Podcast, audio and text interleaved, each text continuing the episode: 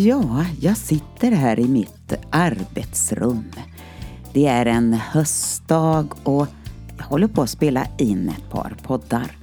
Och jag inser att båda två börjar med ordet våga. Våga! Ja men, mm, det kräver lite kraftansamling och liksom eh, ge sig iväg på något lite okänt kanske. Eh, det ena programmet som jag precis spelade in det heter Våga ta första steget. Och nu har jag ett program som heter Våga sticka ut hakan. Och jag känner det, det prasslar lite grann när jag grejar här för att den här texten har jag i en av mina böcker. Jag har ju kommit ut med ett par böcker här eh, som bygger på mina bloggar. Och eh, den här boken jag läser ur idag heter Tider av förändring. Och du får jättegärna höra av dig till mig, Eleonora Lahti eh, och kolla in min blogg eller min Facebook-sida eller min hemsida och eh, beställa en bok av mig. Eller så kan du faktiskt hitta dem på Semnos förlag. Du är jättevälkommen hit in my living room. Och våga sticka ut hakan heter den här. Och du, de här fotona som jag har i boken, ja, de är lite speciella.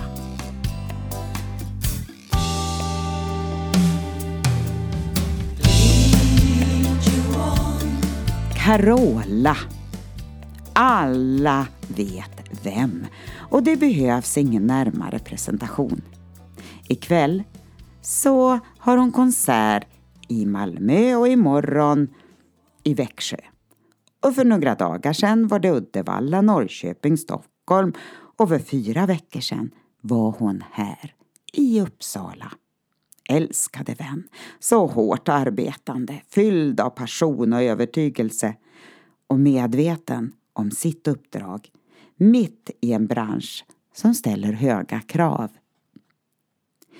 Jag mötte henne efter konserten och hon var då så tacksam att hon klarat av den. Carola, en vän till mig sedan 80-talet. Hon hade varit så sjuk och förkyld att hon nästan misströstade att kunna genomföra konserten. Men nej, inte märkte vi något. The show must go on. Vi får dela ord till varann den här kvällen när vi möts några få minuter. Inte det vanliga ”Hur är det?” Nej, orden. Orden måste bära liv och kraft rakt in i livet och dess utmaningar. Under kvällen talar hon till publiken om hur hon såg kvisten, häggkvist, ligga där på marken. hon säger skulle inte det jag gjort för dig vara nog? Det blev så klart för mig. Jo, såklart. Vilken kärlek, vilken nåd. Att se på naturen, hur den kan läka sig själv. På samma sätt får vi se på våra liv.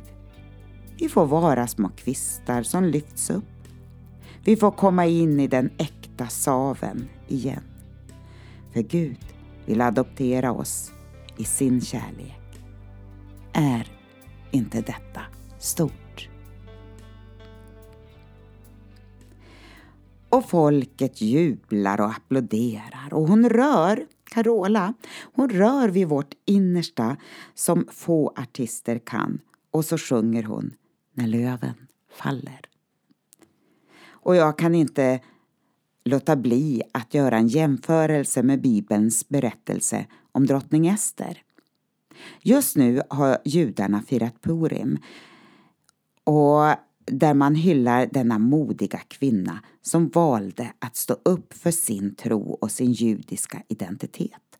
Mitt i en hotfull situation som skulle kunna förinta hennes folk. Överlåtelsen till sin Gud och sitt folk och hennes starka övertygelse tog henne förbi drottning Vastis ifrågasättande förakt och olydnad. Det blev Vastis fall, medan Ester var flickan som blev utvald trots att hon kom från en familj med deporterade judar. Ester gjorde det förbjudna och riskerade sitt liv. Men hon räddade en, ett helt folk. Och vi ser några andra runt om i världen i vår tid som står upp för sina övertygelser. Ja, Carola hon har satt ett ansikte på sitt personliga sätt vad kristen tro är. För vem har kunnat tro att ett lands största artist kan frimodigt och orädd tala och leva ut sin tro? Att göra det man nästan inte vågar göra kanske kan avgöra väldigt mycket. Du vet, att nästan vara olydig.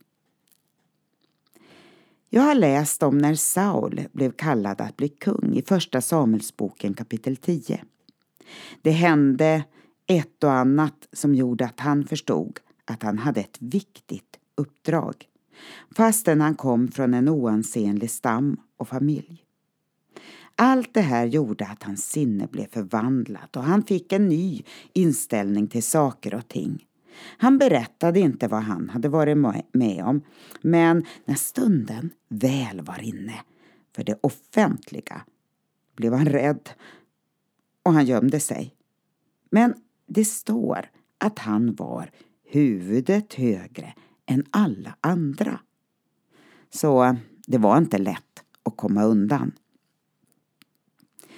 Nu förstod han vilka skyldigheter och vilket ansvar hans uppdrag innebar och han började fatta beslut efter sin övertygelse.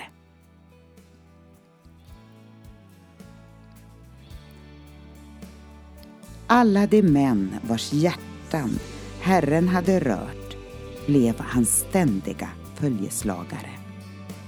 Men det fanns några som var upproriska och sa hur ska han kunna hjälpa oss?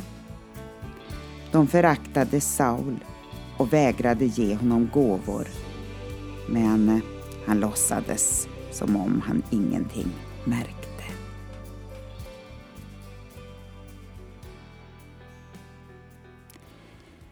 Jag antar att Carola många gånger låtsas som om hon inget märker. Det dyker upp ett och annat med märkliga företeelser när man sticker ut hakan.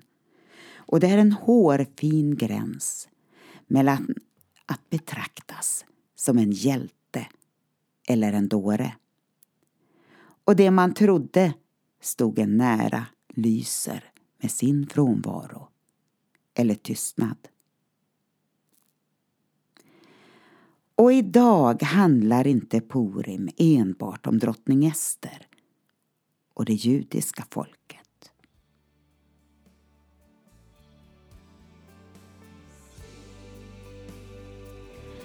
Haman sa Det finns ett speciellt folk som är utspridda i alla provinser här i riket.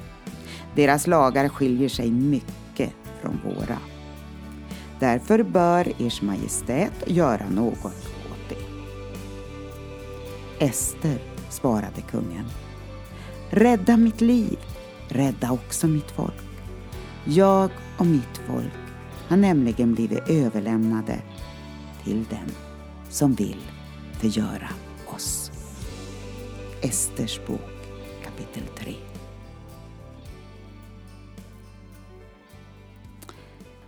Tänk efter. Vad är din del i det här? Vågar du låta en villkorslös överlåtelse leda dig vidare i livet? Det som gör skillnaden mellan hjälte och dåre. Vår trohet, beslutsamhet och övertygelse är hotet mot fienden. Och antar vi den utmaningen? Tänk om du nu hör. Vem vet om inte Gud har fört dig dit där du nu är. Om inte just för en tid som denna.